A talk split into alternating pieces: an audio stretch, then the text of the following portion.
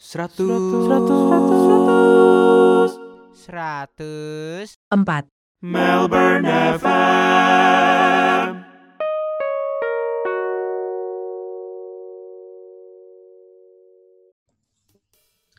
Yo, lu pada lagi dengerin gua, Rafael Satria di 104 Melbourne FM. Hari ini pertanggal 29 Mei 2020. Hari ini gua podcast ditemenin oleh temen, weh tapi ya baru baru kenal juga ya sebenarnya ya. Belum pernah ketemu malah. Hmm. Virtual friend, virtual Yes. friend. Hari ini mungkin gua mau membahas topik yang sensitif nggak ya? Nggak tergantung sih ya, tergantung point of view sih, tergantung point of view ngelihatnya gimana. Tapi menurut gue ini topik yang cukup menarik untuk gue bahas dan gue angkat, makanya gue pengen pengen juga em, ngebahas topik ini. Jadi hari ini gue pengen ngobrol dengan siapa di guest gue hari ini. Ya, teman-teman gue Isa Koroh dari ya dari Indonesia, of course. Jakarta. Dari Jakarta, dari Jakarta. Di Thank you, Vel. Jadi gue pengen ngobrol sama Isaac ini karena dulu kata-katanya nanti mari kita buktikan. Nanti mari kita sharing apakah benar atau enggak. Kata-katanya Isaac ini tuh sekolah Alkitab tapi kata-katanya sempet nggak percaya Tuhan. Jadi gue penasaran nih sama ceritanya. Waduh. Yes. Mari kita dengar. Cuman introduction dulu dong bro. Um, ya, um, thank you Vel. Uh, teman-teman kenalin buat teman-teman yang dengerin podcast hari ini. Um, kenalin gue Isa Koroh dan gue kegiatan hari-hari ini melayani secara penuh waktu atau full time di gereja, di gereja di Indonesia. Hari ini melayani di dua gereja. Pertama di gereja Anglikan Indonesia, jadi Anglican Church of um, Jakarta di All Saints Anglican Church. Kalau teman-teman yang dari Menteng mungkin tahu ada gereja Inggris namanya yang tua banget di dekat Tugu, Tugu Tani Jakarta. Hmm. Dan yang kedua juga melayani secara penuh waktu di gereja JKI Muda bersama um, Pastor Raditya Walwan dan teman-teman semua di sana. Jadi Itu- sekarang sih kegiatannya melayani full time aja. Loh. Apa tuh? Jadi lu full time di dua tempat atau yang Yes, full time. Ah, Kebetulan duanya memiliki apa namanya time zone yang berbeda karena satu gereja, apalagi sekarang kan seharusnya gue udah satu gereja sih, cuman karena em, sedang di masa pandemi begini, jadi diminta Bantuin ya? bantu dan memungkinkan juga untuk membantu di dua gereja ini, ya karena everything um, is virtual. Right Oh. now gue work from home dan I Oke. can um, ya bantu kayak gitu. Tapi nanti kalau pandeminya udah selesai gimana dong? Oh, I, I gotta choose. I gotta choose. Oh, oke oke. Karena memang sebenarnya di Anglican Church ini gua program internship sih. Full time sebagai Ah. pastoral intern. Ya, Iya, iya. I see, I see, I see. magang lah sebagai um, tim pastoral yang seharusnya cuman due to 13 of April. Jadi April cuman karena pandemi ini um, extend jadinya deh. Jadi gitulah kira-kira. Sebenarnya Oh. sampai April doang, cuman karena pandemi akhirnya diperpanjang internshipnya. I see. Tapi ini it won't last forever kayak Iya, nggak iya. mungkin berdua gereja gitu sih kira-kira Vel. Um, Hmm, hmm, perkenalan singkatnya. Ang Angli Anglican tuh pakai Indo atau Inggris sih di sana? Inggris. Oh. Karena ini gerejanya expatriates gitu. Oh, oke. Jadi bukan ya ada orang Indonesia tapi orang Indonesianya pun um, English speakers. Biasanya Oh. mereka yang um, dulunya merantau apa namanya pulang dari luar negeri. overseas kayak gitu, Iya, iya. pulang karena terbiasa dengan gereja Inggris begitu, akhirnya balik lagi ke Anglican. Kayak gitu sih Iya, kira-kira. iya. Emang emang by the way kalau gue boleh tahu uh, Heeh. eh sorry tadi di kalau lu di muda um, sebagai apa?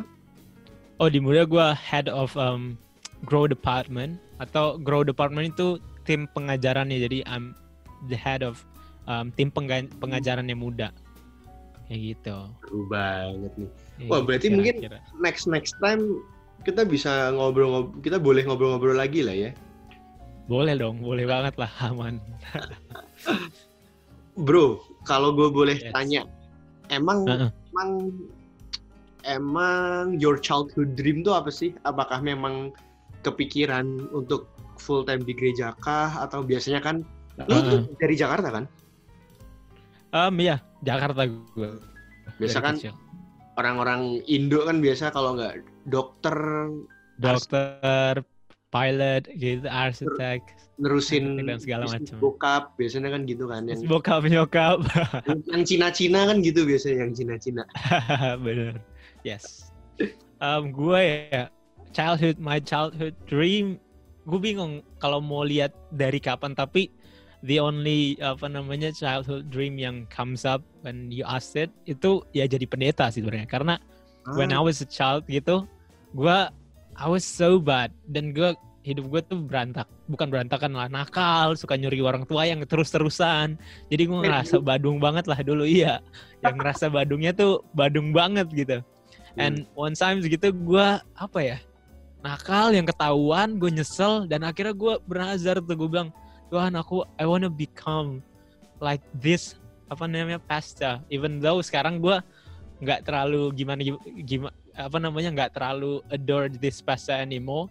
Hmm. tapi in that stage gue ngelihat look up to this pastor banget ke pendeta Hmm. ini dan gue bilang gue mau jadi kayak pendeta ini.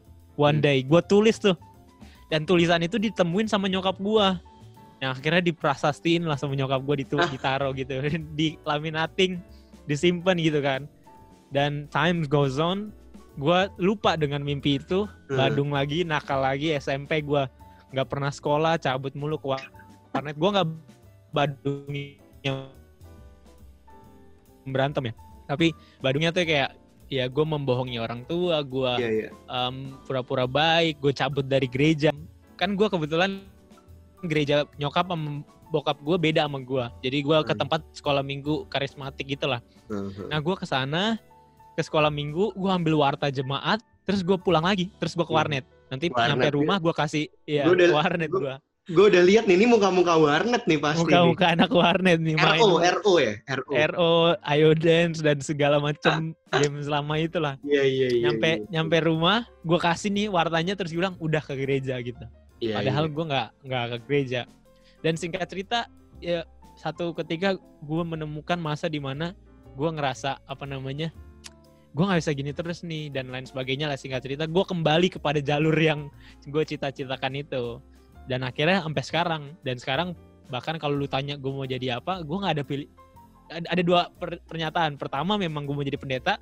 Yang kedua gue bakal bilang ya gue nggak ada pilihan pilihan lain selain jadi pendeta. Karena gue dari SMA SMA-nya tuh SMK teologi bro. Jadi you know Emang ada ya? I mean kayak ada. Jadi SMA setara teologi kayak pesantren gitu. Iya, iya. pesantrennya Kristen. Pesantren. jadi gue dari SMA sampai kuliah udah ngabisin waktu gue tujuh tahun untuk belajar teologi dan mempersiapkan diri jadi pendeta. Kalau tiba-tiba gue berhenti tengah jalan gak mau jadi pendeta, gue nggak bisa ngapa-ngapain karena all I know is theology and about Christianity gitu. Gue nggak bisa ke tempat lain untuk ngambil apa namanya pekerjaan yang lain bakalan sulit. Jadi kira-kira begitulah. My childhood dream was to become a pastor as well. Wait, wait. Nah, waktu lu masuk si SMK teologi ini, was Yes. it your decision or your parents' decision? Yes, it was mine. It was mine. Loh. Makanya tadi gue bilang kan, karena gue udah hancur, hancur, hancur, tuh.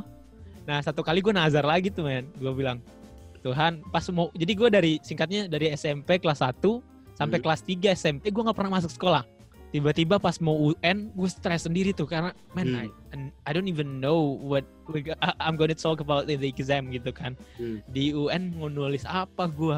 Mhm. akhirnya gue nyesel banget gue bilang ke Tuhan Tuhan if you pass me apa namanya on this exam gue bakalan fokus sama Tuhan gitu kan ya gitu lah biasa apa namanya nyogok nyogok Tuhan but he is still a good God gitu meskipun dia tahu gue bakal terus mengecewakan dia dia tetap Hmm. menjawab doa gue dia bilang eh pada akhirnya selesai dah UN tiba-tiba gue nggak cuman mendapatkan apa yang gue minta yaitu untuk pass di exam Tapi Hmm. ternyata Tuhan percayakan lebih. Gue dapet ranking 2 satu sekolah. Wadidaw.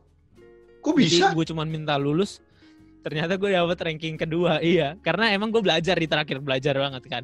Oh, Em, tapi jadi stres. diberikan kemampuan untuk belajar dan iya, ah nggak stres. Ah, I love it. Itu cuman di awal doang kayak stres Oh. minta doa, gue berdoa Oh iya iya iya. gitu-gitu. Akhirnya ya udah tiba-tiba bisa aja ngikutin pelajaran.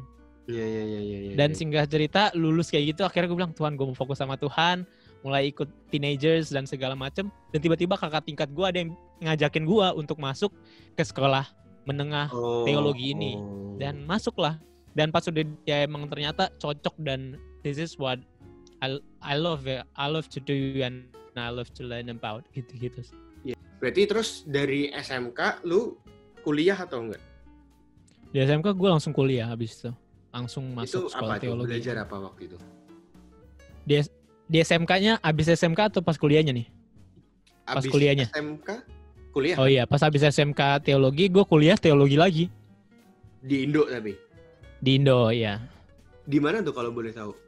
Gue di STT Jakarta. Sekarang sih namanya STFT Jakarta, Sekolah Tinggi Filsafat Teologi Jakarta. Oh, terus Hmm. terus lu ke Melbourne abis itu atau? Terus em, pertama kali gue ke Melbourne itu di tingkat 2 semester 5 kalau nggak salah semester 4 ke 5 itu pertama kali karena gue diutus kampus untuk ke Melbourne jadi ditugaskan kampus untuk penelitian dan em, belajar di sana gitu Oh. baru- yes baru setelah gue lulus gue ke sana lagi untuk karena gue dipanggil sama orang yang dulu bekerja sama dengan gue di Melbourne they invite me to come to go back gitu ke sana baru Untuk? abis itu balik ke untuk melayani di sana Oh di Anglican Church juga ya? ya di Anglican Church di Melbourne gitu Di mana sih?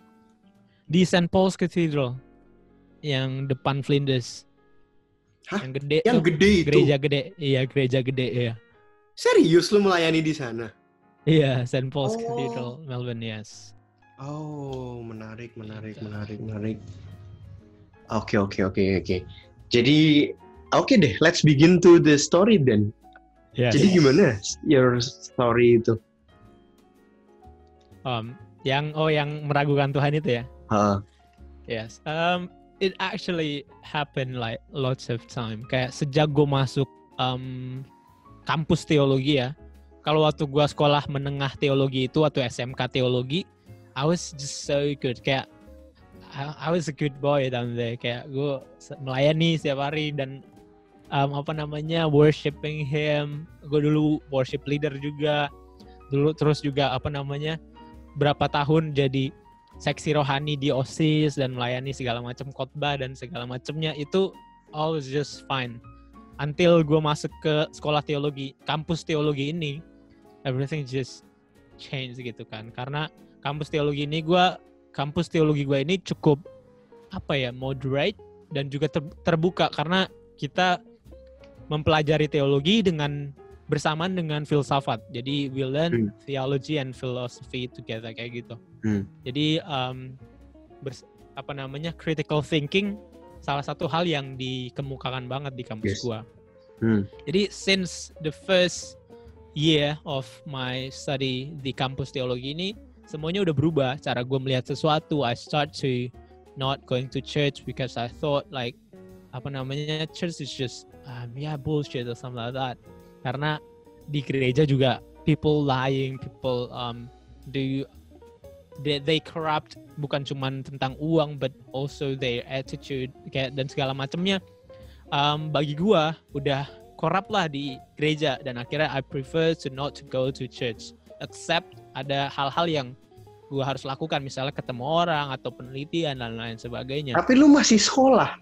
Maksudnya ya sekolah, you're you're learning about that. Maksudnya yes I learn about that but I I, I just learn about that that's the thing karena Mungkin- ya udah gue belajar mungkin but I'm not rasanya living in it iya iya, mungkin rasanya kayak gua sekolah culinary tapi Yes. kalau ditanya lu di rumah masak nggak? Enggak. Mungkin kayak gitu Ya, kali. ya? yes yeah the kind of thing atau bahkan lu lu suka makanan nggak enggak gitu loh Iya iya iya iya. that's iya. yeah, it's different than just not doing that. Karena gue udah nggak melayani tuh dari sejak semester 2 di kampus sudah nggak melayani.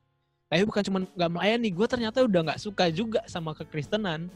Karena padahal itu yang gue pelajari but that's the thing that disgust me kayak gitu. Karena ya gitulah dan segala macamnya. Singkat Hmm. cerita Tadi um, tetap sorry, sorry, berjalan tadi kayak kepotong atau deh. Ah, apa tuh bagian oh iya pokoknya Hmm. singkat cerita memang apa namanya tuh di semester 2 gue udah mulai nggak ke gereja Hmm. dan bukan cuma itu gue mulai juga me- merasa terganggu dengan hadirnya kekristenan gue tuh udah kayak Christianity yang gue pelajari ini yang jadi subjek gue majoringnya gue justru jadi hal yang disgust nih yang mengganggu gue gitu lah singkat cerita sampai semester 6 atau 7 akhirnya gue nggak ke gereja sama sekali tuh. Gue sekali sekali doang ke gereja. Ada mau ketemu orang. Ke, ke Hmm. gereja kalau misalnya ada tugas dari kampus dan lain sebagainya.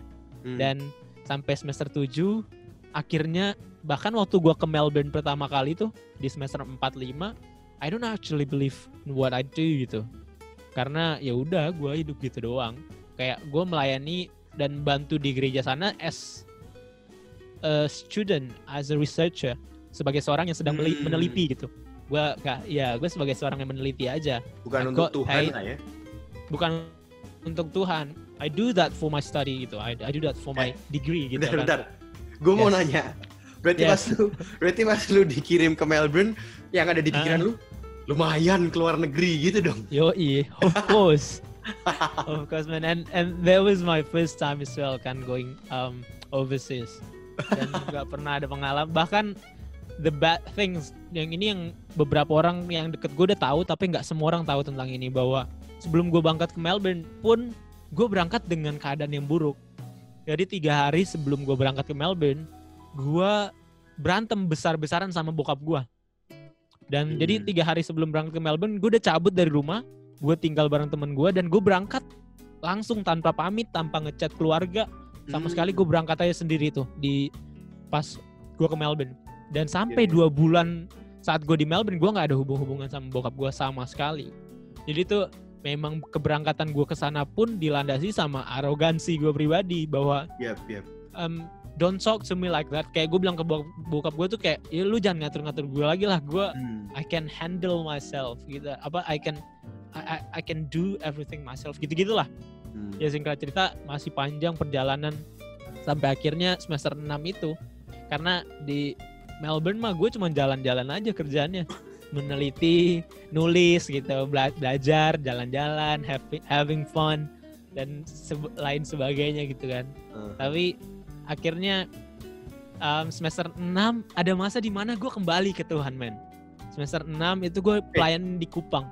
Went to um, small village ke very remote village in Kupang gitu kan. Jadi ada desa yang desa pedalaman lah di Kupang Itu yang tapi gue di melayani disuruh kampus sekolah. lagi Di- disuruh Iya bawa. diutus kampus lagi kampus Terus, lagi hmm. Singkat cerita gue berangkat ke sana ke Kupang sinyal susah um, Hmm. air susah dan lain sebagainya tapi gue ngeliat banyak orang yang nggak berpendidikan pun nggak sekolah bahkan nyampe SMP aja nggak lewat tapi mereka nih apa namanya melayani Tuhan mati-matian Hmm. bahkan nggak ada duitnya di, di pelayanan Hmm. gue ngeliat mereka hati mereka I see them and I, I kayak gue impressed lah what about about what they're doing um, in that place gitu kan.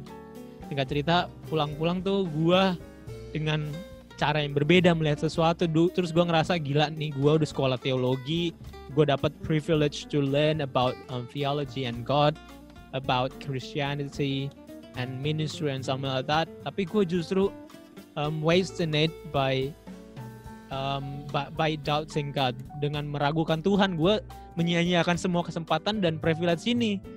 Jadi gue kayak ah man I can't do this. Gue meratapi apa yang udah gue buang sebelumnya. Jadi singkat cerita balik ke Jakarta with a new heart with with, with a new mindset dengan kacamata man I I want to become a priest. I want to become pastor. Gue mau jadi pelayan Tuhan. Gue mau melayani um, umat Tuhan. Gue mau melayani Tuhan. I wanna live for Him gitu kan. Hmm. pulanglah akhirnya masuk ke satu komunitas namanya Authentic Love Family ini komunitas yang kemudian kemudian memperkenalkan gue dengan JKI Muda. Hmm. Komunitas ini I um, I grow up there dan bertemu dengan orang-orang yang supportive banget, very supportive. They they're always there when I need them and they pray for me gitu-gitu segala macam. Even though um, gue masih banyak salah, gue masih banyak kekurangan, they still there for me. They embrace all my weaknesses gitu. Mereka um, support gue mati-matian. Sampai akhirnya gue masuk ke muda, gue melayani lagi, gue Hmm. um, bertemu dengan per- umat Tuhan lagi, gue melakukan Hmm. persekutuan dalam Kristus lagi, segala macam. Sampai akhirnya mulailah muncul yang namanya keraguan itu lagi. Dan ya terkait um, itu gue dan akhirnya gue masuk ke gereja dan keraguan itu muncul lagi karena beberapa hal. Karena padahal gue udah bergebu bergebu-gebu banget tuh, udah mulai khotbah lagi, udah mulai melayani setiap hari itu kegiatan gue ketemu-temu dengan komunitas gue kayak to share about what happened in my life and to uh, kayak gitu gitulah saling menguatkan, mendoakan gitu-gitu terus. Sampai akhirnya gue mulai stres lagi nih karena kebetulan gue lagi skripsi, terus lagi dan bukan hanya karena skripsi tapi juga hari-hari itu tuh banyak gue kan follow-follow gereja palsu lah atau Hmm. akun-akun satir dan lain sebagainya. akun-akun yang apa namanya akhirnya membuat gue kayak iya juga ya kok gereja kayak gini? Dan kemudian mindset itu masuk di kepala gue dan akhirnya kekritisan gue yang dulu masuk lagi ke gue kayak men- apa namanya merasuki gue kembali. Gue mulai melihat gereja gue kok kok gereja gue kayak gini ya? Kok pastor gue kayak begini ya? Hmm. kok di apa namanya gereja ini kayak gini dan segala macam mulai lagi. Mulai mulai gue pendem gue pendem gue pendem gue pendem sampai akhirnya gue menarik diri dari gereja secara tiba-tiba. I didn't talk to anyone I didn't talk to my pastor to my apa namanya mentor and something like that. Gue cuman menarik diri secara apa namanya tiba-tiba. Dengan alasan gue lagi sibuk skripsi. Dan mereka nggak bisa argue that kan? Kayak Iya, iya, ya iya. udah gue emang sibuk skripsi this is what this is my responsibility as a student jadi lu nggak bisa ganggu Kan tadi lu bilang lu kayak keluarnya lumayan tiba-tiba kan. yes Berarti will you say orang yang nggak ke gereja secara tiba-tiba itu pasti ada apa-apa? um, yes Maybe ya. Maksudnya ada tendency ya. ada tendensi untuk kata maybe gue kenapa gue bilang yes because I think it's gonna be more than 50% ke Hmm. arah iya ketimbang ke arah enggak dan bagi gue karena what else the reason kita nggak ke sana gitu bahkan kalau memang kita mau ke gereja hujan sekalipun badai sekalipun Hmm. bakal kita tempuh kok nggak masalah gitu Hmm. jadi karena gue inget banget dulu pas gue lagi berapi-api tuh mau ke Setuju, komunitas lagi hujan lagi kayak Setuju, gimana Ben. datang aja gue I don't care setuju. gitu Kayak Bahkan- kayak lagi iya. bucin lah ya, kayak lagi lagi bucin. ngebucin gitu lagi PDKT kan apa aja dilakukan kan martabak. yes yes makanya sekalinya nggak ada tuh sekalinya cabut pasti ada sesuatu kalau Hmm. misalnya dibilang enggak man you you trying to apa namanya cover. defend yourself Hmm. ya buat ngebela diri tapi Hmm. ini bukan tentang benar atau salahnya tapi kan gue ngomongin tentang pasti ada sesuatu Iya, kan iya. bukan Setuju berarti sih, setuju. ya bukan berarti mereka cabut dari gereja mereka yang salah nggak juga. Bisa juga memang ada yang masalah dari gereja dan they Hmm. need to go or they need to stop going to Iya. church gitu-gitu Iya, iya. Dan Tapi yang kita bahas di sini tuh masalah ada, apa-apanya. sesuatu ya Hmm, hmm. setuju, Yes. setuju sih. Is. setuju sih. Maksudnya, ya ya ya, agree, agree. Dan dan di situ di situ jadi pentingnya komunitas ya untuk maksudnya yes tuh um, kayak are you okay or whatsoever. yes Oke, to oke. check on them gitu Boleh bro, maaf bro, Ya. lanjutkan bro. Yes makanya gue cabut kan cabut singkat cerita cabut dan alasan gue cabut tuh simple karena gue cap karena gue waktu itu berapi-api banget dan gue capek ternyata banyak juga hal yang mengecewakan dan masih ada di gereja yang gue kira bakal sempurna Hmm. di gereja yang gue kira bakal full of apa nah holy people gitu ternyata masih bermasalah juga gue kira Ya. di tempat gereja yang penerimaan dan kasih Tuhannya sangat besar kayak they love each other. Kal- kalau ke gereja tuh kami hugs semua orang kayak dan bukti bahwa kami mengasihi satu sama lain. Tapi kayak ternyata ada juga gitu ya. kurangnya. Iya dan akhirnya gue ngerasa ah ini this is not good. Dan mulailah di mana masa yang benar-benar gue jatuh yang gue meragukan Tuhan segitunya sampai gue bilang sampai gue nggak pernah doa gue nggak pernah ngapa-ngapain. Bahkan pas gue skripsi pun um, bahkan gue gue ada di momen tuh pernah um, apa gue hampir nggak dilulusin dari kampus. Hampir nggak dilulusin dari kampus hanya karena kasus plagiarisme yang gue nggak lakukan. Jadi singkat cerita paper gue mat apa namanya tugas gue paper yang gue udah buat itu di plagiat sama orang. Hmm. tapi yang kena gue juga. Hmm. gitu padahal gue nggak tahu apa-apa dan gue di plagiat gue yang kena dan hampir nggak dilulusin. Nah bahkan di momen kayak marah. gitu pun iya nggak di momen kayak gitu pun gue nggak nyalain siapa-siapa. Gue cuman diem dan gue nggak berdoa men. Karena gue mikir kalau gue berdoa sekarang kalaupun Tuhan ada gue justru mempergunakan Tuhan dengan cara yang salah. Jadi gue bilang ya udah ada atau nggak adanya Tuhan gue nggak bakal berdoa karena gue nggak mau kalaupun Tuhan ada gue justru mempergunakan Tuhan atau melaku- memperlakukan Tuhan dengan cara yang salah. Nah makanya salah satu hal yang mengubah gue banget dan akhirnya membuat gue jatuh dan em, merasa nggak peduli sama dunia ini karena gue capek sama semua itu apa yang gue lihat di sosial media Iya, iya, sama iya, pendeta-pendeta yang gitu-gitu doang dan segala macam akhirnya gue bilang ke diri gue gue pengen cabut dari kekristenan nggak mungkin karena SMA teologi kuliah teologi. Makanya gue memutuskan untuk pas dapet tawaran ke Melbourne then I know this is the answer. Karena gue bilang oh baik dah. Kan berarti gue nggak akan tinggalin kekristenan tapi gue akan jadikan kekristenan atau jadi pendeta itu sebagai profesi gue Hmm. gue bilang it's not going to be my calling or it's not going to be my ministry but deep in my heart I will keep it as a profession I will make money from it and I will live with it gue bakal ya udah dikerja aja dari situ apalagi gue tahu untuk become a pastor or reverend or priest in Melbourne kita bisa gue bisa dapat duit yang bahkan lebih kaya daripada orang kebanyakan orang di Indonesia gitu Hmm. I gue I can save money dan gue saat gue balik ke Indo gue bisa dengan keadaan uang yang cukup gitu kayak gue tahu the no, the, the, Hmm. the numbers Hmm. dari menjadi pendeta di Melbourne akhirnya gue berangkat lah ke Melbourne Maaf Dengan ya, keadaan maaf ya. Apakah mungkin itu salah satu trigger banyaknya prosperity gospel? um, I don't think so karena kalau Oh. prof, prosperity gospel kan mereka um, berpikir tentang Tuhan yang akan menyediakan uang kan Ah. Jadi fokusnya ke sana. Kalau gue enggak, I don't think it is a gospel. I will just make money from it.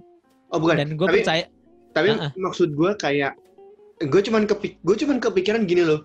Cerita lu Ah. tuh make sense banget kan. To the Ah. point, oh iya, to the point kayak jangan-jangan ada yang kayak lu juga. ada juga kayak gue juga, tapi menjalaninya terus menerus gitu ya. Exactly man. Mungkin. Iya Yes. iya. Um, eh, I can't say that. Tapi ya mungkin bisa. Mungkin. Tapi mungkin juga nggak disadari, Vel.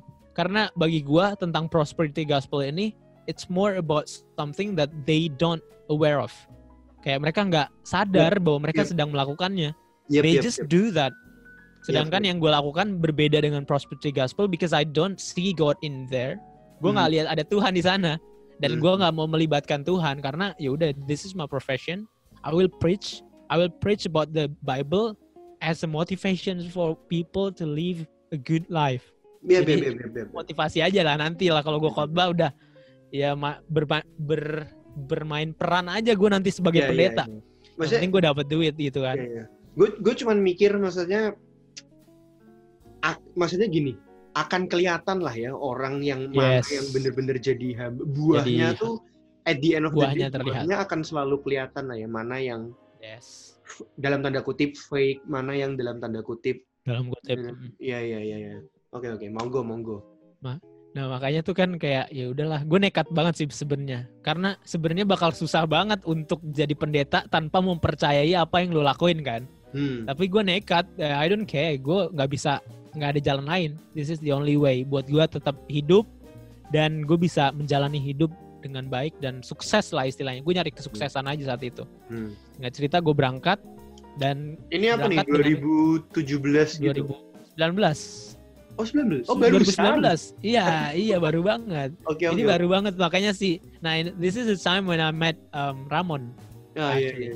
gue berangkat ke sana dan Hmm. gue udah oh dan selain itu gue juga ke sana tuh gara-gara gue kan mantan gue mantan pacar gue yang waktu itu masih bareng gue di dia juga dapat kesempatan untuk dikirim kampus ke sana ke Melbourne ya udahlah gue dapet kesempatan balik ke Melbourne ya udah I'll go there kebetulan juga Berangkat. bareng pacar gue kan berangkat, Berangkat. gitu akhirnya berangkat untuk em, ketemu pacar untuk em, untuk nyari uang juga ke sana kan nyari Hmm. profesi dan segala macem dan juga untuk lari dari kenyataan gue harus melayani umat Di- Tuhan di Indonesia Hmm. yang penuh dengan hal-hal rohani yang yang saat itu rohani itu bagi gue bullshit jadi Hmm. ya udah gue tinggalin aja cabut gue gue nggak mau di Indo Indonesia terlalu sok rohani terlalu ngeroh lah istilahnya. Hmm. apa-apa hubungin sama Tuhan apa-apa hubungin sama Tuhan gue nggak yap, kuat. gue berangkat dengan keadaan yang lebih parah dari visit gue yang pertama ke Melbourne. Karena yang kedua ini gue bener-bener cuma buat kerja. I I uh, I'm looking forward for di apa namanya pemasukan yang bisa gue dapetin di sana gitu selama di Hmm, Melbourne. dan akhirnya hidup di sana nyari berusaha nyari duit tapi ternyata gue justru malah melarat di sana men. Gue justru malah melarat karena gue cuma bawa beberapa uang gitu dan Hmm. nggak banyak banyak banget dan gue apa namanya nggak udah sebenarnya udah nggak terlalu bergantung sama orang tua jadi I didn't expect them to send me money gitu kan. Jadi gue berusaha sendiri. Stres banget karena ya lu tahu hidup di Melbourne seberapa sih dan gue bawa uang uang Indo doang gitu kan Mhm. uang dari Indo yang ya kalau di convert to apa namanya dollars ya nggak ada apa-apanya lah buat Mhm. berapa minggu doang paling Hmm. singkat cerita udah berapa bulan gue di sana mulai duit udah nggak karuan udah bener-bener bakal jadi homeless nih gue berapa hari lagi gitu kan Mhm. gue diam gue nggak bisa lagi gue nggak bisa berdoa gitu nggak bisa berdoa gue diam saat gue inget Senin malam kalau nggak salah gue um, ngalamin ini gue diam di my flat di flat gue gue akhirnya nangkep dan ter- diingatkan tentang um, apa namanya parable the prodigal son anak yang hilang itu kisah anak yang Itu hilang one of tentang- my favorite man. Yes, yes. Kan gue ngerasa gue nggak mau berdoa nih, karena nanti gue apaan? Gue udah cabut. Iya gengsi gue ke Tuhan gitu kan. Tapi di situ gue diingatkan, diingatkan bahwa pada akhirnya when you come back, dia yang justru bakal running to you dan he will hugs you, he will ya dia yang bakal menyambut lu gitu. Di situ gue nggak ada ekspektasi apa-apa, tapi itu membukakan pikiran gue untuk setidaknya berkata dalam hati gue what's wrong with me? Kayak gitu. Setidaknya untuk mempertanyakan dan introspeksi membuka diri. Dan saat gue menanya kayak gitu ke diri gue di Senin malam itu I got the answer gue keinget tiba-tiba gue lagi buka-buka Instagram terlihatlah semua hal tentang orang-orang yang gue unfollow dan di antaranya adalah pastor gue pastor Adit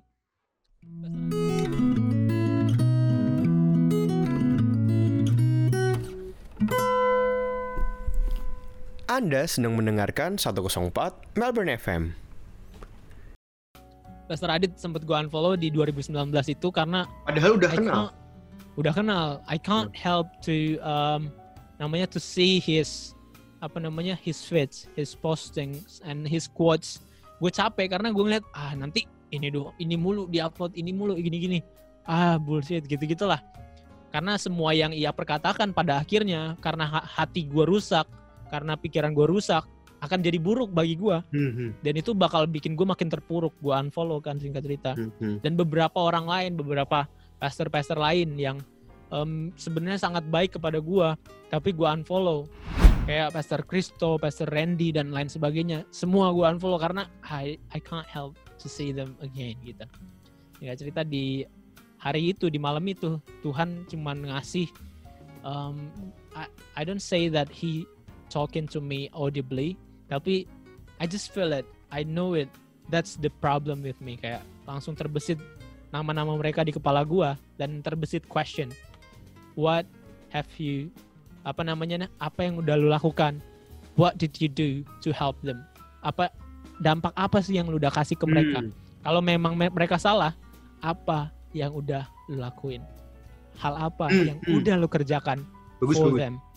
Dan one of the most apa namanya yang questions yang muncul tuh have you prayed for them have you been praying for them? Udah lu udah pernah berdoa belum untuk mereka? Lu udah pernah setidaknya menyampaikan keluhan lu secara langsung belum kepada mereka? Dan semuanya belum. Makanya hari itu gue hancur hati banget gue nangis banget gue bilang man salah banget gue gue mungkin pendapat gue atau apa yang gue pikirin bener tapi when I didn't do anything it become a problem. sama aja. Ya sama aja bohong gitu kan. Singkat cerita tiga jam gue habiskan. Itu malam kan Melbourne uh, udah malam banget. Kayak gue selesai beraktivitas sekitar jam 11 sampai jam 1 tiga jam itu eh sampai jam 2 tiga jam gue berdoa untuk mereka doang. Gue nggak ada berdoa buat diri gue gue nggak ada berdoa untuk masalah finansial gue nggak. Gue nggak ada berdoa untuk yang lain-lain. Gue cuma berdoa untuk pastor-pastor ini. Dan I speak blessings for them. Gue I speak blessing for them dan hancur hati banget tiga jam gue habisin nangis dan segala macam dan gue habis itu besok um, hari malam itu juga kalau nggak salah. Karena kan di Melbourne eh besoknya besok ya di besoknya besok malamnya kayaknya gue rekonsiliasi dengan mereka semua. Gue follow followin lagi dan I chat them one by one dan say apa yang bermasalah dari gue dan I'm saying sorry even though they no they they have no idea what happened to me juga sih tapi ya I gue juga kasih tahu aja lah. Dan lu mau tahu besoknya kan Senin malam Selasa Selasa siang kalau siap. Dan besoknya ini sebenarnya hal yang nggak gue percaya banget sebagai seseorang yang kritis banget tentang kekristenan dan roh-roh gitu dan mujizat dan segala macam besoknya men di tengah masalah finansial gue I got contact by um, one of my colleague there in Melbourne. Dan mereka kasih tahu bahwa they have they already transferred to my account for apa namanya berapa sepuluh ribu kalau sepuluh ribu um, ten ten thousand dollars itu untuk gua dan which is itu bakal bikin gue survive di sana untuk beberapa gue kan udah nggak lama lagi tuh di sana. Harus balik ke Indo untuk wisuda. They transfer me that amount of money dan itu bikin gue survive. Dan itu waktu itu gue nggak percaya banget sebenarnya. Tapi it is what it is kayak that's what happened after I do that setelah gue melepas semua kebencian dan keraguan gue terhadap kekristenan cuman gara-gara pendeta-pendeta, cuman gara-gara gereja yang gak sempurna, cuman gara-gara hal-hal yang gak sesuai ekspektasi gue. Tuhan jawab doa gue dengan cara yang aneh banget, yang bahkan gue tuh kayak tergelitik sendiri. Gila ini, gue bisa hidup di negara negeri orang dengan keadaan yang gue gak ada apa-apa. Jadi singkat cerita selesai, gue balik ke Indo, gue rekonsiliasi dengan semua orang, dengan semua yang waktu itu bermasalah. Gue rasa gue gak suka atau gue kecewa sama mereka gue perkatakan semuanya dan Loh, now bro padahal uh, sorry ya yes. maksudnya hmm. yang gue tangkap dari cerita lu tuh ini misalnya pester-pester ini lu uh -uh. yes yang gue tangkap tuh padahal yang nggak suka tuh ya lu sendiri ya? gua gua doang iya ngerti nggak kalau misalnya memang kalian gini berantem cekcok kan, beda oh, ya ya udah tapi yes lu kesel-kesel sendiri, unfollow unfollow sendiri, unfollow sendiri, semuanya sendiri, iya. Eh, semuanya gue sendiri. Gue boleh tahu nggak uh. reaksi mereka gimana? Reaksi mereka tuh aja. kayak, uh, they they apa namanya? Justru reaksi mereka yang membuat membuat gue tuh kayak sangat apa namanya menyesali keputusan gue. Gue nggak inget detail, tapi yang jelas they justru sama seperti um, ya cerita prodigal son suatu walaupun uh, terkesan exaggerating atau melebih-lebihkan tapi mereka menyambut gue dengan sangat baik. They comfort me they mereka kirim voice note yang ngomong bahwa hey man apa namanya that's alright kayak thank you so much for telling me dan segala macam. Dan justru mereka menghargai apa yang gue sampaikan dan juga mereka dengan penuh kasih mau me merangkul gue kembali dengan tangan yang sama yang terbuka buat orang yang justru kayak sebenarnya udah salah salah salah paham tentang diri mereka gitu. Jadi kayak sambutannya dengan sangat baik. Makanya pas balik tuh gue bisa ngobrol dengan baik juga. Bahkan even talking about something that um, beyond masalah itu sih. Kayak gitu kira-kira. Jadi ya itu singkatnya tuh kayak um, how bagaimana kepercayaan gue sama Tuhan hancur gara-gara gue melihat manusia dan kemudian Tuhan restorasi kembali dengan cara you see my people, you see the weaknesses in my people, tapi lu bakal tetap bisa ngelihat dengan cara Tuhan. Kalau Hmm. sebelumnya gua kecewa sama Tuhan gara-gara manusia, Hmm. sekarang Tuhan kasih gua kesempatan dan kemampuan untuk justru makin terkagum sama Tuhan melalui manusia-manusia Manusia. Tuhan. Ya, ya, ya. Bahkan di saat mereka hancur, di saat mereka jatuh, Tuhan kasih ke- kesempatan dan kemampuan buat gue buat ngelihat di mereka dengan caranya Tuhan yang kayak mereka mungkin bakal ngecewain, mereka mungkin tetap manusiawi, tapi kacamatanya Tuhan yang dia kasih tuh kayak hari-hari ini pun gue masih ngalamin di mana orang ada orang-orang yang nggak sesuai dengan ekspektasi gue. Tapi entah kenapa Tuhan kasih kayak iya dikasih kesantuyan buat tetap in touch with them, Ya, bahkan amin, to amin. stand for them Amin, amin. dan juga to pray for them, to be a blessing for them. Karena gue percaya dan salah satu kuncinya karena gue percaya banyak orang juga yang mungkin muak sama gue, tapi karena Tuhan mereka masih stand stand firm for me gitu, Eh, stand gila stand by me kayak gitu. Ya, ya.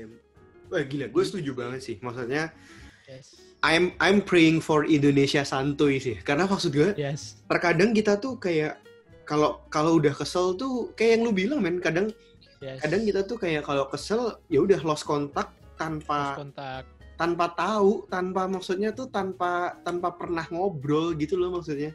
Yes, Dan dan dan iya maksudnya gu- gua pun selalu menjunjung tinggi maksudnya ya elah siapa sih yang sempurna di dunia ini gitu loh. Maksudnya the fact that dosa tuh nggak ada dosa besar, nggak ada dosa kecil itu Nggak ada kan dosa justru kecil, yang yes. kayak kalau lu mau jengkel sama orang tuh kayak eh, emang Man, lu udah kayak hebat. gitu. Iya kan pas Tuhan man, Yesus gitu. pas Tuhan Yesus bilang kayak oh nggak apa-apa lu mau ngelemparin pelacur pakai batu nggak apa-apa tapi Gak apa. yang boleh ngelempar cuman yang nggak ya. pernah berdosa doang ya kan Yes, terus nggak ada yang lempar yes, terus kabur semua iya iya iya iya iya. wah gila menarik menarik man thank you man for sharing man Siap. Pleasure, Uh, brother. Nah. berarti gue gue boleh nggak bilang kayak gini Em, Mm-mm. tiga hal yang membuat manusia tuh jauh dari Tuhan tuh kekayaan kesehatan dan kepintaran Yes, of course. Apa pun Kalau- yang kalau Yes. malam itu lu kaya mungkin lu nggak nangis ke mungkin gua nggak bakal nggak bakal inget Tuhan sih. Yes, that's one of the Karena- way karena that he works. Ba- ya karena balik lagi eh, untuk orang-orang yang yang yang ya maaf maaf kata ya maksudnya yang Hmm. love the prosperity gospel kayak orang bilang kalau ikut Tuhan diberkati secara materi ya ya memang bisa sih ya memang Yes, memang ya bisa memang sih he cuman works through that too. hmm, Tapi ya tidak melulu tidak melulu, tidak melulu. maksud gue tapi poin yang pengen gue omong adalah duit tuh terkadang bisa dari setan juga loh iya kan Yes. berarti Yes. Mm. Iya iya iya iya. Gue gue gue gue ngulik cerita lu tadi ya bro. Yes. Berarti um, statement statement lu cerita cerita lu di awal. Uh, gue nanya yang yang enteng-enteng dulu deh berarti.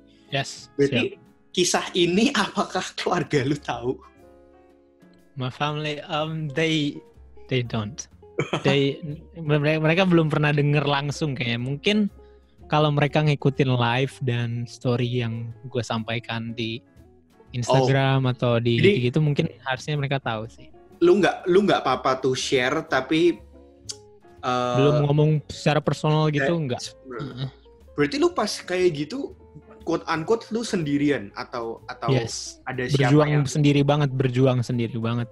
Hmm. sama waktu itu iya sendiri banget sih mungkin mantan gua ya sama mantan gua cum sama mantan gua doang yang yang gua sharingin story tentang ini tapi Hmm. yang nggak sepenuhnya tahu karena apa namanya it is quite sensitive that they to talk about Hmm. apalagi untuk misalnya mantan gue percaya Tuhan dan kayak dia juga dia he she, she likes what she doing kayak melayani dia seneng banget dan segala macem tapi justru gua nggak bisa ngimbangin tuh lebih baik gak usah diomongin lah Hmm, walaupun iya. she knows my condition paling ke keluarga gua ya gue cuma cerita tentang gua stres lah gua capek gitu segala macem tapi ya udah lebih dari itu untuk yang gua nggak percaya Tuhan tuh kayak kalau gua kasih tahu sih yang ada ntar mereka stres sendiri di Indo Hmm. gitu kan Hmm, apalagi gue lagi jauh Iya, jadi iya, iya. memang belum mereka nggak nggak pernah tahu secara spesifik gitu Iya iya. iya. Um, Yes. pas tadi lu sharing, ini berarti kita kembali ke lu masa kuliah di STT. Yes. Ya di STT. Di STT ya bro. Um, pas lu mention kata-kata critical thinking tuh memang contohnya gimana sih bro? Um, we questions what we found um, in the Bible kayak dan juga tentang misalnya contoh ya when you say that God is good and how do we know that God is good we, we questions that question as well kayak hmm. untuk berkata Allah itu baik bagi kami it is just unfair gitu untuk memperkatakan sesuatu tentang Tuhan yang besar itu dan apalagi dengan kosakata yang positif maksudnya Tuhan itu baik Ya, itu ya, kan ya. positif tuh. Anggap, anggap. Itu sangat tidak sangat tidak fair karena justru kita membatasi Tuhan tentang ya. dirinya gitu. Karena mau ngomongin yang baik ya ini relatif terus ya kayak segala macem. Makanya singkatnya tuh kalau mau ngomongin tentang Tuhan ini ada satu cara berkata tentang Tuhan yaitu via negativa misalnya. Jadi dengan cara yang negatif. Tuhan nggak mungkin jahat. It is better than saying God is good.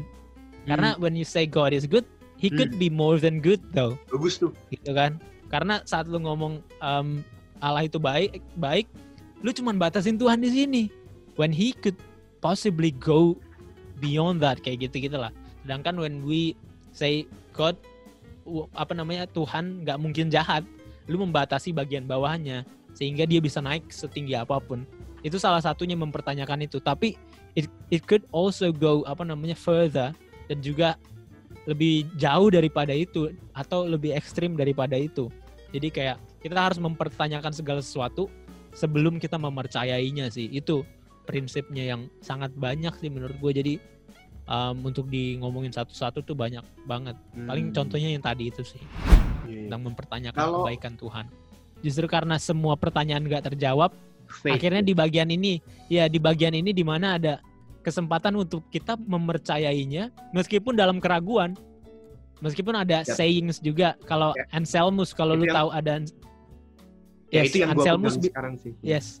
Anselmus bilang faith seeking understanding. Apa namanya? Um, fides quaerens intellectum. Um, iman mencari pengertian. That's hmm. true. Kayak mencari pengertian, tapi pengertian ini pada akhirnya ini nggak semuanya tentang fakta. Karena about Jesus even though gue bisa kasih fakta tentang historical Jesus, some people um, kritik Lagi, tentang Yesus yang historical punya, Jesus. Punya fakta lain gitu ya? Yes, bahwa Yesus punya fakta lain. He he doesn't die, tapi dia hidup. He he really exists dan something like yeah. that. Tapi dan dia juga punya. Tapi setidaknya nih orang-orang yang meragukan kebangkitan Yesus pun berbicara tentang Yesus yang sama yang melakukan mujizat. Yep. Yep, yep, ya orang-orang yang meragukan Yesus melakukan mem mempercayai hal yang sama bahwa he is real he, he was exist in this world dan segala macam. Jadi kayak um, pada akhirnya di bagian-bagian ini satu-satunya hal yang menjadi kekuatan dan pegangan gue just that faith hmm. sama ya gitulah. Akhirnya gue combine antara hidup as someone that love each other dan orang yang melakukan apa esensi dari seluruh agama bersamaan dengan iman yang sangat otentik bagi Christianity which is faith to Jesus dan ini justru jadi privilege buat gua sih apa namanya Vel karena among all apa nama other religions probably agama kita yang paling sulit untuk dipercaya sebenarnya. Hmm. karena we believe in someone who become flesh. Ya kita kalau pakai pandangan umum we believe in someone to be our Lord. Kita percaya sama se orang manusia sebagai Tuhan kita. Dan it is a privilege bahwa gue bisa percaya akan hal itu. Di tengah yang lain agama yang lain um, istilahnya di Muslim they just believe in Allah terus Judaism they only believe in Adonai yang apa namanya Tuhan mereka Yahweh dan sama religions apa namanya Buddha Hindu they believe in gods yang ya apalagi hidup mereka sebagai ya gitu gitulah mereka nggak perlu um, istilahnya ragu mereka nggak perlu ber teng, apa namanya berperang dengan diri mereka sendiri yang berkata hmm. kan Tuhan lu manusia hmm. gitu hmm. Hmm. makanya hmm. Yep, yep, to be yep, able yep, yep, yep, yep. to be able to believe in all the all all of these things become kayak privilege for me dan it gotta be make sense when I see this in the perspective of God which is yep. love love ini penting banget karena tentang um, John 3:16. Sometimes we only focusing ourselves to the fact that God sent His only begotten Son for us, so that we gonna be safe and will not be perish. Kadang-kadang kita fokus ke sana, padahal yang harus kita fokusin adalah the love of God. Karena yang dibilang pertama, karena begitu besar kasih Allah akan dunia ini. Jadi the love become the kind of the main thing in this point gitu. Love-nya yang harusnya jadi fokus kita. Dan karena kasihnya Tuhan, apa pun dilakukan bahkan untuk membuat manusia apa anaknya yang adalah Tuhan itu sendiri jadi manusia dan itu amazing sih kayak ya udahlah meskipun di satu sisi ini menjadi istilah bisa jadi aib ya karena Tuhan kita manusia tapi di sisi lain ini justru sebuah sukacita tersendiri karena yeah, yeah. he become flesh for us kayak gitu sih yeah, yeah. walaupun banyak pertanyaan yang nggak bisa terjawab yeah, yeah. but that, that that that's the use of um, faith our faith yeah, yeah, yeah, yeah, yeah. so mungkin uh, kalau buat wrap up yang yes. kalau misalnya lu ada last message mungkin you will say jangan ngandelin manusia mungkin you will say like that. Yes. Yes I will say jangan mengandalkan manusia dan salah satu manusia itu adalah diri kita sendiri kan. Jadi pertama jangan ngandelin manusia yang di luar. Dan yang kedua jangan um, mengandalkan manusia yang ya ada di sini nih yaitu diri kita sendiri. Karena one of the thing yang make, makes me apa namanya buat gue jatuh adalah saat gue ngelihat orang lain dan saat juga gue melihat diri gue sendiri as someone yang gue rasa will be able to keep up with anything then will, will be able to survive this life atau gitu gitulah kira-kira kalau kalau lu ketemu orang um, misalnya masih 17, 18, 19 yes. uh, pergi ke lu curhat eh masalah yang dia lalui sama kayak yang lu lalui lu bakal bilang atau lu bakal kasih oh, advice apa? The only thing yang bakal gue omongin ya adalah buka mata lu um, untuk setiap kemungkinan yang Tuhan sampaikan melalui segala sesuatu. Lebih kayak I'm not gonna say that you have to go there or you have to go somewhere some like to do to do this and to do that or something. Tapi ya cukup buka mata dan izinkan Tuhan berbicara melalui segala sesuatu. Dan bersama dengan itu nikmati dan bersiaplah untuk ya setiap jatuh dan bangun yang lu harus lewatin. See. Karena salah satu hal yang gue syukurin juga sih Val adalah gue diizinkan untuk jatuh bangun segitu besarnya karena tanpa itu misalnya ada orang yang nolong gue dan biarin gue nggak jatuh nih mungkin gue nggak jadi Isaac ini sekarang jadi kita yes on the same page man on the same page yes yeah, maksudnya gue selalu gitu. gue selalu gue selalu sharing kayak gini sih maksudnya ke orang-orang juga maksudnya man actually eh, apa ya kalau kan orang kan suka selalu bilang ro, hidup kayak roda di atas sama di bawah. Yeah, gitu di kan. atas kan. bawah ya. Yes. Kayak gue selalu bilang, men di bawah tuh enak loh. Kok maksudnya? Yes. Di bawah yes. tuh actually apa ya? Lu nggak belagu, lu kalau lu yes. udah di bawah kan lu mau belagu apa kan? Tapi kalau lu lagi yes. di atas kan banyak yang lu bisa yes. belaguin. Yeah, Lots of things that we can pick up dari masa-masa kita jatuh sih. Hmm, hmm, hmm. Kayak gitu. I see, I see, I see. Seru, Dan seru, itu sih kata-katanya Paulus, eh apa kata-katanya Tuhan ke Paulus yang selalu jadi pegangan gue tentang cukuplah kasih karuniaku ya. kepadamu karena One di dalam kelemahan lah ya. um, kuasaku menjadi sempurna. That's ya yeah, yeah. itu salah satu penguat sih. Thank you bro, thank you thank you. Apalagi ya? ya? Lu mau nambahin apa lagi mungkin apa ya?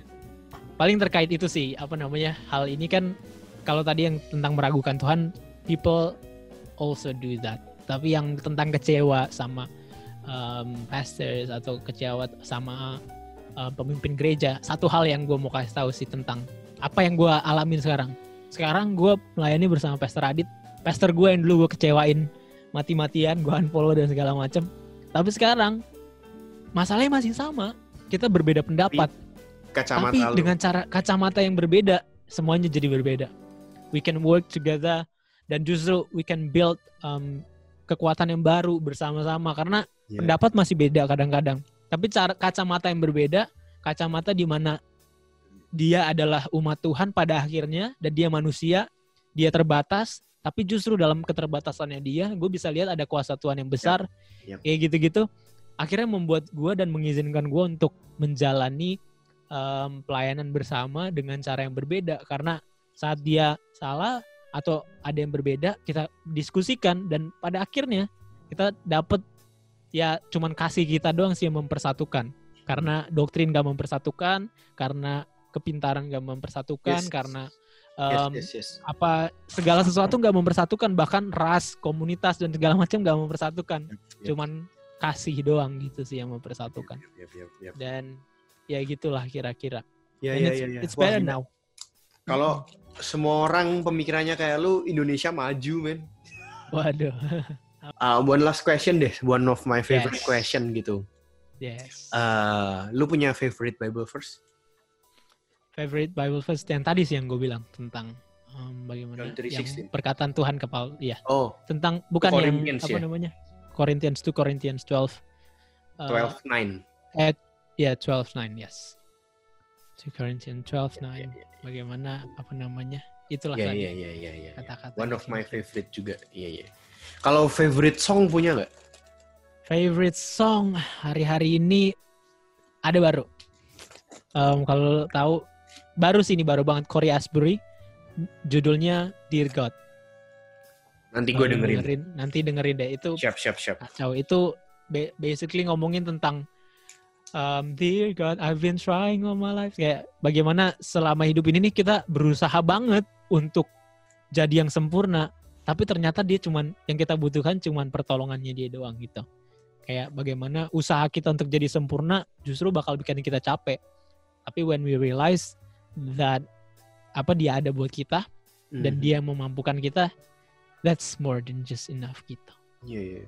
Kita Lately tuh gue suka lagu yang yang message-nya apa ya justru kayak vulnerable ya men kayak maksudnya yes memang mengakui aja kita lemah kayak lu dengerin jujurnya Sydney Mohede nggak jujurnya Sydney Mohede ya. Sydney Itu mirip mirip mirip lagunya yang main gitu kan. Terus makanya. eh bro kalau ini bro um, Yes. lo nggak gue nggak tahu sih lu lu tukang baca buku nggak Gue baca sih. Baca walaupun hari-hari ini jadi turun karena gue capek banget baca virtual atau electronic apa books ebook. kan. Book. Hmm. Ya e-books karena di sini kan gue ngekos kan. Jadi nggak ada buku dan segala macam. Iya. Tapi ada sekarang udah ada subsidi buku lagi baru banget. Hmm. Tapi gue suka baca buku. Yes. kalau random aja random aja Random Gua ya. gue jadi gue gue malah pengen kerandoman lu nih kalau recommend me Yes. a book apa recommend me a book Gue sebenarnya pembaca buku teologi banget ya. Hmm. buku berat dan bukan buku motivasi segala macam tapi Hmm. if you ask me a recommendation gitu I suggest to read um, buku The Gift of Being Yourself itu kalau if you can check out on that it's good karena that's that one itu helps me banget sih untuk become the one of ya kayak jadi diri gue sendiri. Dan bukan hanya jadi diri gue sendiri tapi juga bisa melihat diri gue ca- dengan cara yang tepat yang baik. Gitu. Menarik menarik. Gitu wah kira-kira. seru men. Thank you thank you banget. Yes. Um, ya gila seru seru seru. Asli seru seru seru. Thank you. Buat lu udah mau uh, meluangkan waktu ngobrol-ngobrol. Ini hari apa ya? Jumat ya? Gua men pleasure Sampai- Jumat sampai Jumat. gua. Pleasure banget sampai lupa gua. Iya iya iya. Um, keep doing what you're doing berarti. Yes. Um, what's next berarti? Ya lu masih akan tetap melayani ya? Ya tetap melayani ya dengan ya ya ya berjuang di tengah pandemi ini.